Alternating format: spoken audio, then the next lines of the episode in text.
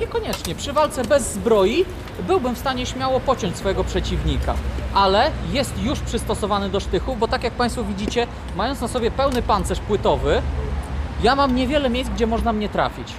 Więc y, walka, jak to jest na filmach, że wielkie cięcia, krojenia, przekładanie mieczy nad głową, wszelkie młyńce, jest bezsensowna przy zbroi.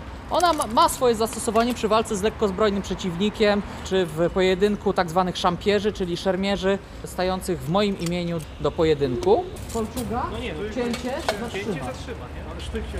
Tu, jakbym był całkiem zaostrzony, przy odpowiednim rozmiarze, ja nie jestem w stanie się przebić. Jakbym miał już dużo węższą głownię, stąd mamy rapiery, idea zaostrzonego pręta, żeby się przebić przez właśnie małe luki w zbroi. Y, Proszę tu zobaczyć, kolega ma tutaj głównie pancerz kolczy jako podstawowy jego pancerz. We współczesnych ubraniach to jest, to jest luksus.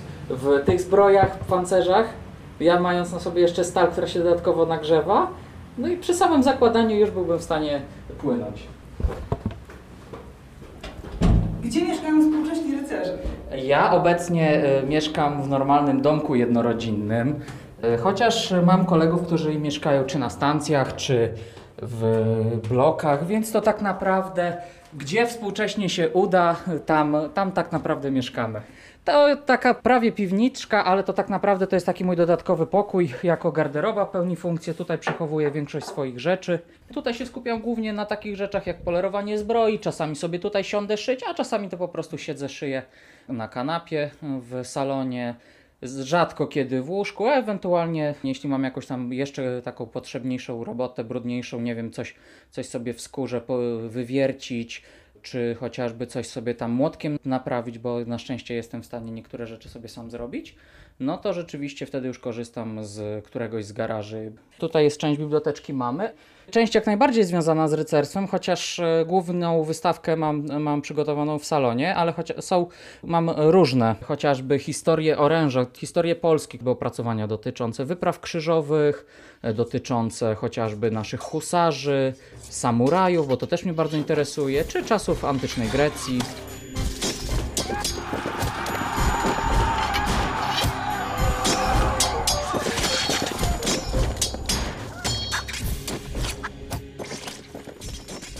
Nazywam się Michał Zieliński, jestem magistrem archeologii z Instytutu Archeologii na UMCS-ie. Obecnie pracuję w dużej korporacji międzynarodowej informatycznej i od 15 lat, czyli mniej więcej pół swojego życia zajmuję się rekonstrukcją historyczną.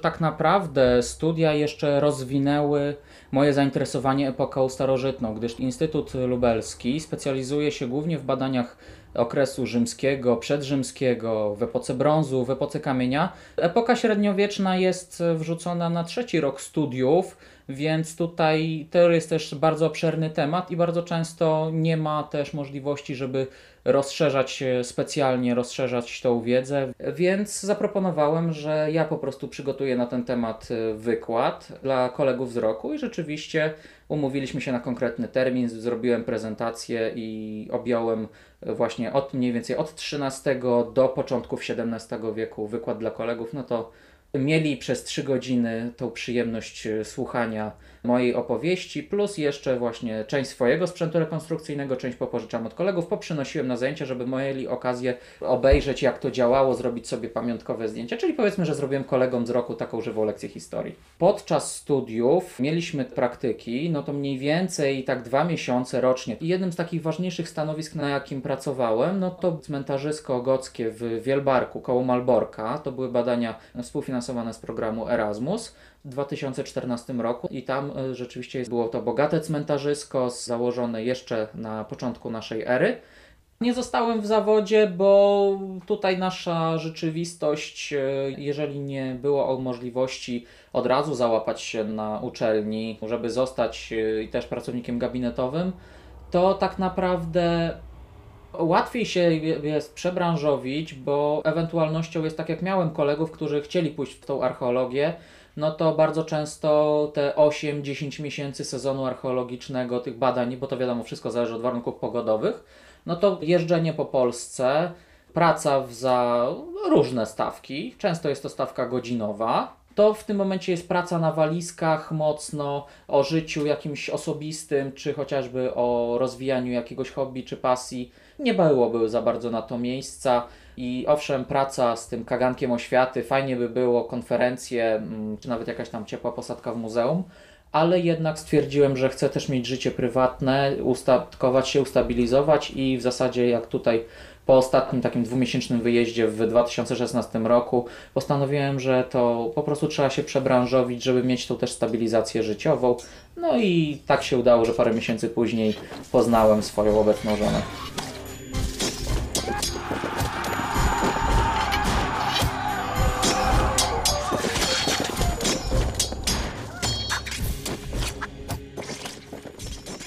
Jeśli chodzi o zdobycze z okresu 15 lat, to, to tak naprawdę najstarsze rzeczy, jakie mam, to jeszcze z 2009 roku, tak naprawdę już moje no- nogi płytowe, które kilkukrotnie już mi uratowały moje kości i mięśnie. Ja mam tutaj bigwanty w stylu włoskim, czyli one są dosyć krótkie, kończą się mniej więcej w połowie uda, ale z kolei posiadają bardzo duży liść zasłaniający moje kolano od zewnątrz i on zabezpiecza mnie przed zaatakowaniem z tej strony.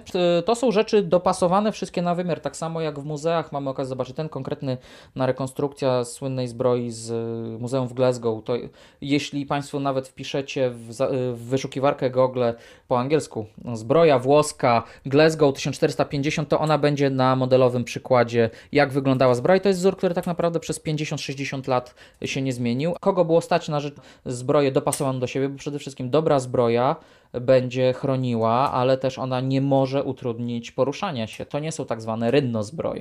Tutaj akurat ten element i uzupełniające je łydki, osłaniające moje, e, moje piszczele, to zostały wykonane tutaj w Lublinie przez e, wybitnego rzemieślnika i on do tej pory w, ma swoją stronę, zarówno na Facebooku, ma też swoją stronę jeszcze w internecie. I to jest rzeczywiście rzemieślnik jeden z, jeden z najlepszych w Europie, bardzo dobra półka światowa, ale no to też swoje kosztowały te nogi, ale jestem z tego zadowolony, nie żałuję, bo po pierwsze miałem często przymiarki, są dopasowane i tak naprawdę warto było wydać na zabezpieczenie. Mimo, że mam powiedzmy ciut grubszą blachę tutaj osłaniającą uda, o takiej grubości, jaką się stosuje często w rekonstrukcyjnych hełmach, jednak nieraz mi to się przydało i mimo, że każdy, kto bierze ze znajomych rekonstruktorów te, właśnie tutaj, tak jak mam Big Van osłaniający mi udo, kolano i kawałek piszczela pod kolanem, bierze do ręki, ale ciężkie. No, O ten Big Van to jest jakieś, ważyłem jakiś czas temu, to, to jest około 2700 gramów na jedną nogę. Ten konkretny model w tamtych czasach kosztował mnie już i tak dużo mniej niż on obecnie byłby wykonany. Dużo rzeczy ma na to wpływ, ale jest to wykuwane tak jak być powinno, czyli rozgrzewanie stali, kucie na gorąco. Obecnie, tak, e, przynajmniej u tego rzemieślnika, u którego zamówiłem te nogi, obecnie pełny pancerz płytowy w takim stylu, no to takie 35 do 40 tysięcy złotych y, mogłoby być, tylko trzeba pamiętać o tym, że w warsztatach, które prowadzą tu, to jako normalną swoją pracę całodzienną, to jest, to jest ciężka praca, która trwa prawie rok. Taki pełny garnitur, bo trzeba go spasować, więc to, to nie jest tak, że, że ktoś tyle w tydzień zarobi. Nie, to jest efekt bardzo wielu miesięcy ciężkiej pracy, bo miałem okazję uczestniczyć i pomagać e, koledze właśnie przy produkowaniu takiego pancerza ale też e, na przykład mój pancerz pełny na przestrzeni 15 lat, licząc koszty, które na niego wydałem, bazowe, no to tak jest około 16 tysięcy. Chociażby tutaj mam na przykład rękę płytową, ale zmontowaną tak naprawdę z karwasza, z nałokcicy i naramiennika. Mniej więcej łokcie i naramienniki niejednokrotnie już mi się w boju przydały. Są też spasowane na konstrukcjach y, na delikatnej skórze, na paskach, że każda folga ze sobą pracuje. Jak najbardziej jestem w stanie pracować e, mieczem czy chociażby bronią drzewcową bez większego problemu, bo to Są też bardzo elastyczne. tak, to, to wszystko pozwala technologia właśnie pasków skórzanych albo też pływających nitów, bo to tak zwanych pływających, czyli mamy po prostu nit nie przez otwór na wylot, ale chociażby jest przedłużony na kształt takiej szyny, na której też to pracuje. W zależności jak był robiony egzemplarz, mnie tutaj zależało na właśnie na dużej mobilności, dlatego mam po prostu na dosyć elastycznej, cienkiej, cienkiej skórze i do tej pory funkcjonuje jak najbardziej. To jest zbroja, w której ja widziałam Pana pod biblioteką. Tak, to jest ta zbroja, tylko że to jest e, wyposażenie z lat 1470-1500.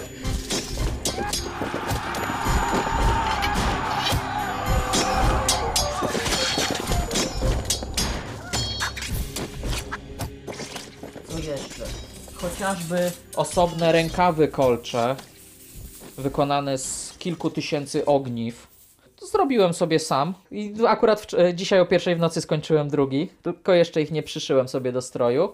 To jest taka dodatkowa wstawka, bo o ile w, przez większość epok historycznych, kiedy kolczuga funkcjonowała, czyli powiedzmy od starożytności, bo kolczuga e, jest to wynalazek celtycki, który przyjęli Rzymianie, później przejął się przez tradycję królestw germańskich przez mroczne wieki. Do wczesnego średniowiecza jak najbardziej przecież kolczuga to był, pan, to był rodzaj pancerza elit tak naprawdę. Można to dotknąć? Tak, można, chociaż brudzi. Elit naszych takich lokalnych, chociażby słynni pancerni Mieszka I, no, no to byli żołnierze, rycerze, którzy byli opancerzeni chociażby w kolczugi i Piękne. wykonanie pełnej takiej kolczugi to jest y, dla zespołu rzemieślników około 1000 godzin pracy. A trzeba też wziąć pod uwagę, że to była praca nie po 8 godzin dziennie, 5 dni w tygodniu, tylko było to tak naprawdę mogła trwać i na okrągło od świtu do zmierzchu, wolne soboty. To naprawdę by, musiało być jakieś duże święto kościelne, żeby nie pracować. Po dłuższym czasu Przypiekłoby. przypiekłoby. Oprócz tego nie ochroniłaby aż tak, bo kolczuga fajnie chroni przeciwko wszelkim y, obrażeniom ciętym, przeciwko obuchowym też, gdyż każde metalowe oczko tutaj łączące się z kolejnymi działa na tej zasadzie, że energia uderzenia rozchodzi się faliście, a pod tego typu każde opancerzenie używamy dodatkowej warstwy ubrania przepikowanego, jak to teraz modne są chociażby kurtki zimowe pikowane, czyli przeszywane, stąd też nazwa polska przeszywanica. W literaturze anglojęzycznej możemy się spotkać z określeniem aketon, gambeson, no i to też się przyjęło w, w rekonstrukcyjnym słowniku Bardzo naszym. to jest grube, więc... E, y, właśnie niekoniecznie. Tutaj mam tak naprawdę sześć warstw materiału, z czego dwie warstwy to jest wełna, reszta to jest len. Już y, pod taką zbroję płytową, jakiej używam, już jest ciut za grube i tak naprawdę z, dla wyższych warstw społecznych taki dobrze dopasowany do ciała bluza, bo to takie najlepiej określenie, jak tutaj mam ta przeszywanica moja, arming dubletem zwana w, już w literaturze e, fachowej. To jest tak naprawdę rusztowanie pod tą zbroję płytową i ja potrzebuję go tak naprawdę, żeby tylko częściowo e, złagodzić siłę uderzenia, bo jednak moja stalowa zbroja dużo lepiej zniesie tą siłę uderzenia niż kilkuwarstwowy materiałowy strój.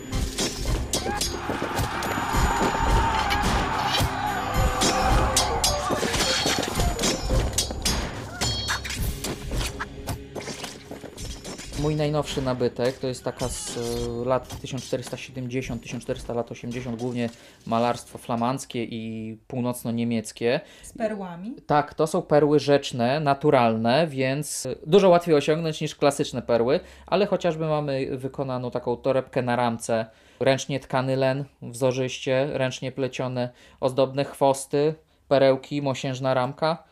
Kieszenie w ubiorach to jest wynalazek dopiero XVIII wieku. Wcześniej wszystko trzeba było nosić powieszone na pasku, więc mam zarówno taką bogatą właśnie torebkę, tak jak teraz tutaj łapię moją skórzaną kaletkę, czyli tak sakiewkę, zwana też właśnie kaletką od i rzemiosło kaletnicze, wykonaną ze skóry, w której też kilka takich podstawowych drobiazgów mogę nosić, wszelkiego rodzaju mieszki.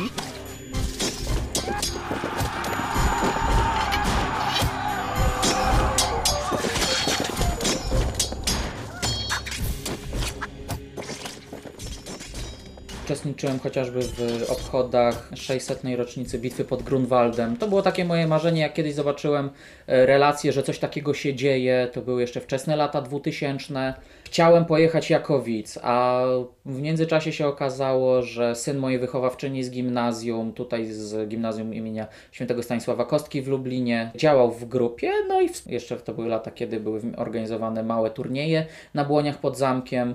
No i do takiej grupy po spełnieniu wymogu ukończenia 16 roku życia przystąpiłem i w zasadzie działam w niej jeszcze do dzisiaj i byliśmy organizatorami chociażby obchodów 440. rocznicy Unii Lubelskiej w 2009 roku i tutaj e, świętej pamięci prezydent Lech Kaczyński zaszczycił nas swoją obecnością podczas e, inscenizacji przypominającej o tym wydarzeniu.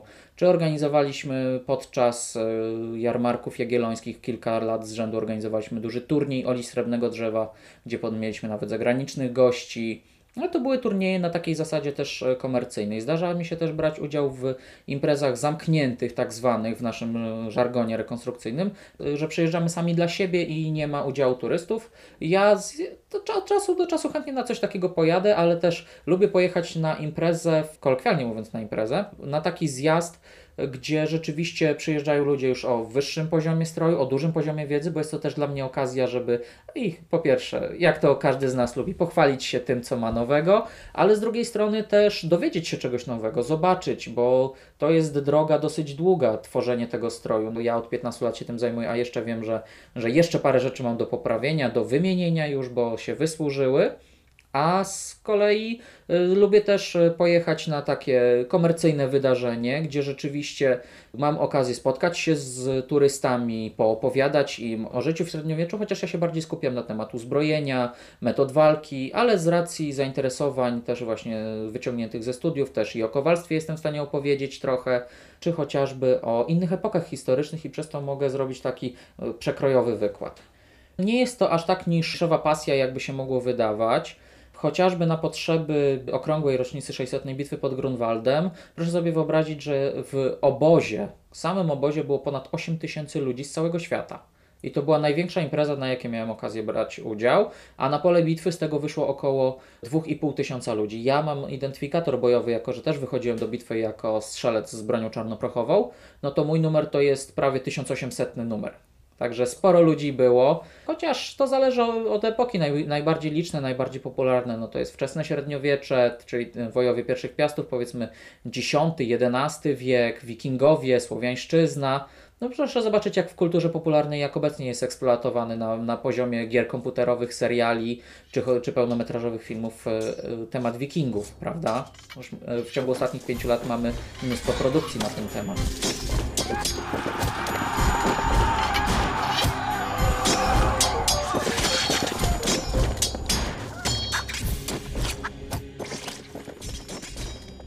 Tutaj trzeba zobaczyć, że tak naprawdę ten ruch w Polsce startował od mniej więcej 98 roku, więc jest, nie jest to jakoś długo, ale z drugiej strony, jeżeli w skali Polski mówimy o nawet kilkudziesięciu tysiącach ludzi, którzy się przez ten cały czas, czyli powiedzmy przez te trzy dekady przewinęło przez środowisko, większość pewnie została, część porzuciła pasję, część e, ma pewnie przerwę ze względu na warunki rodzinne, bo żona, dzieci, wiadomo, to wymaga dużo większego zaangażowania niż pojechać, poganiać się po lesie z, z kijem bądź z, z mieczem, jak to, jak to żartobliwie usłyszałem parę razy ale w skali Europy, w skali świata myślę, że, że to spokojnie o przynajmniej kilkuset tysiącach ludzi można powiedzieć, bo y, jestem członkiem kilku różnych grup na, tutaj na Facebooku rekonstruktorskich. To bardzo duży ruch jest w Stanach Zjednoczonych, w, chociażby w Australii też są. Z wiadomych względów Azja też ma swoje, wbrew pozorom. Japonia ma swoje też festiwale poświęcone chociażby bitwie pod Sekigaharu z 1600 roku, czy, czy chociażby 12 bitew na równinie Kawankajima, wojny o dominację podczas shogunatów.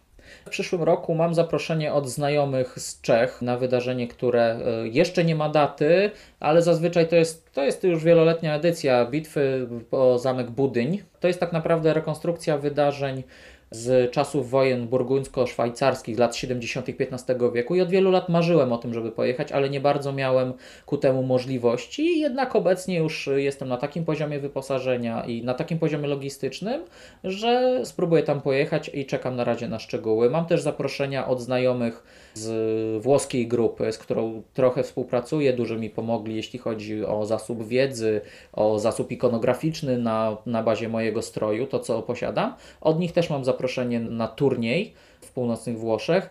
On się odbywa co dwa lata i w tym roku, ze względu na urlop w czasach prywatnych, współczesnych, że tak powiem, odpuściłem sobie ten wyjazd, ale to też jest takie moje marzenie, żeby tam się rzeczywiście do Włoch wybrać jako, jako ten XV-wieczny rekonstruktor. Czy wezmę udział w turnieju?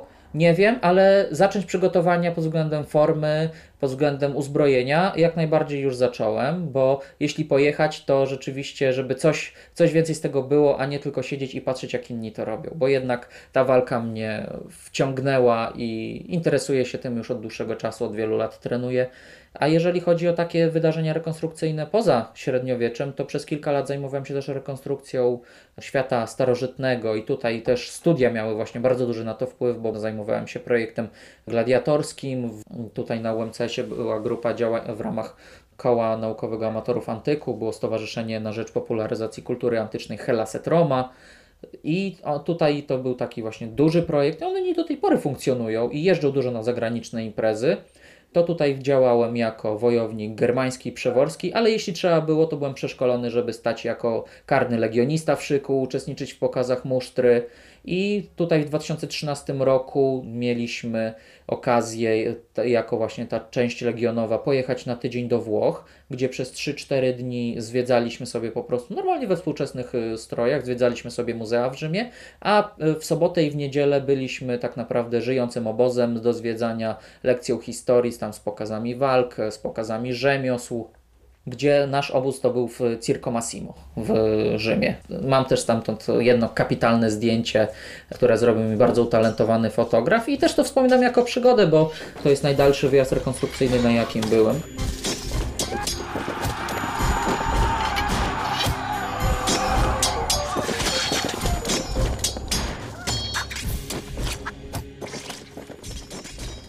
Cytując e, pewien znany film, mieczyci u nas dostatek. Na swoim wyposażeniu posiadam e, miecz jednoręczny, który używam w komplecie starczą. I to jest miecz tak zwany szwajcarski. Zwany, w literaturze można się spotkać z określeniem degen. Jest to miecz, który też ma rękojeść w kształcie litery I. I był stosowany zarówno przez szwajcarską piechotę, tutaj używałem głównie będąc, kiedy bardziej odtwarzałem jeszcze postać żołnierską, ale miecz do tej pory mi został, służy mi od dobrych kilku lat. Jest to broń, która ma około 75 cm długości całkowitej, całkiem przyjemnie wyważona i każdy ze znajomych, jak go bierze do ręki, to mówi: Kurczę, małe, jak to, jak to z tym walczyć? Już się nauczyłem. Potem są zdziwieni, ale on w rękach chodzi jak tasak. Ze względu na swoje wyważenie. To jest drewniana rękojeść, a ozdoby z mosiądzu i mamy zarówno na jelcu, jak i na głowicy, gdzie w, tak naprawdę w, w porównaniu z oryginałem to brakuje mi tylko ozdobnych grawerów na właśnie na tych dwóch mosiężnych elementach. Ale to Stwierdziłem, można wykonać. można wykonać, tylko kwestia tego, czy, czy jest mi aż taka potrzeba. W momencie, kiedy rzeczywiście już się przerzuciłem na bycie po prostu rycerzem, rzeczywiście już i dorosłem sprzętowo do tego, no to posiadam na swoim wyposażeniu tak zwany miecz długi, bądź też półtora ręczny, który ma 130 cm długości całkowitej, tak, no może 128 ale w związku z tym, że on jest tak fajnie wyważony, ja jestem w stanie nim w miarę precyzyjnie posługiwać się jedną ręką, więc z grzbietu konia jak najbardziej byłby do użycia. Miłość do średniowiecza, zbroi, walki, bo to jest ta adrenalina, tutaj ta męskość, yy, rzeczywiście odczucia nie do porównania, ale może jednak wolę walczyć w ten sposób, że ja troszkę zachowawczo prezentuję, jak to mogło wyglądać rzeczywiście, ale jestem w stanie zrobić to wielokrotnie. Ja lubię wyjść w szeregu z, z bronią, lubię wyjść do pojedynku i poczuć tą adrenalinę, wczuć się na polu walki, wejść w taki tok myślenia, że muszę, muszę zważać na to, co robię. Po pierwsze, żeby walczyć w sposób bezpieczny nie zrobić nikomu krzywdy, ale po drugie też staram się włączyć takie myślenie, że, żeby popełnić jak najmniej błędów własnych podczas walki, bo taki błąd kosztuje mnie na przykład wykluczeniem z walki na jakiś czas podczas inscenizacji, albo zakończam, kończy mój udział w niej, więc zakochałem się w filmach o szlachetnych wojownikach, typu właśnie Conan Barbarzyńca, William Wallace, czyli Braveheart, czy nawet nasz kochany Zbyszko z Bogdańca.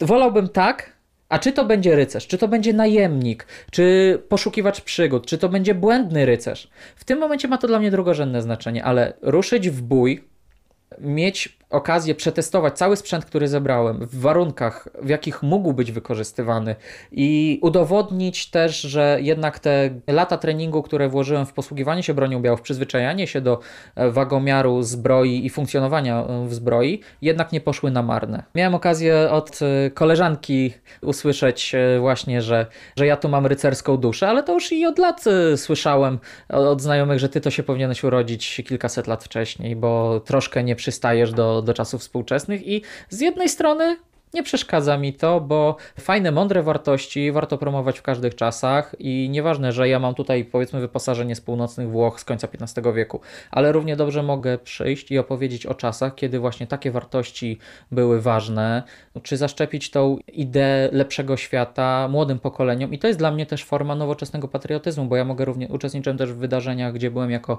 woj e, pierwszych piastów i w tym momencie opowiadając tylko o naszej historii, to jest też forma właśnie patriotyzmu, przekazywanie naszej tradycji, bo warto wiedzieć skąd jesteśmy, warto być e, dobrym człowiekiem, nawet jeśli świat tego nie docenia, tego nie rozumie. Ale ja nie żałuję i nie zmieniłbym swojej decyzji, jeśli miałbym wybrać, czy zająć się tą rekonstrukcją, gdybym mógł jeszcze raz podjąć decyzję, czy nie.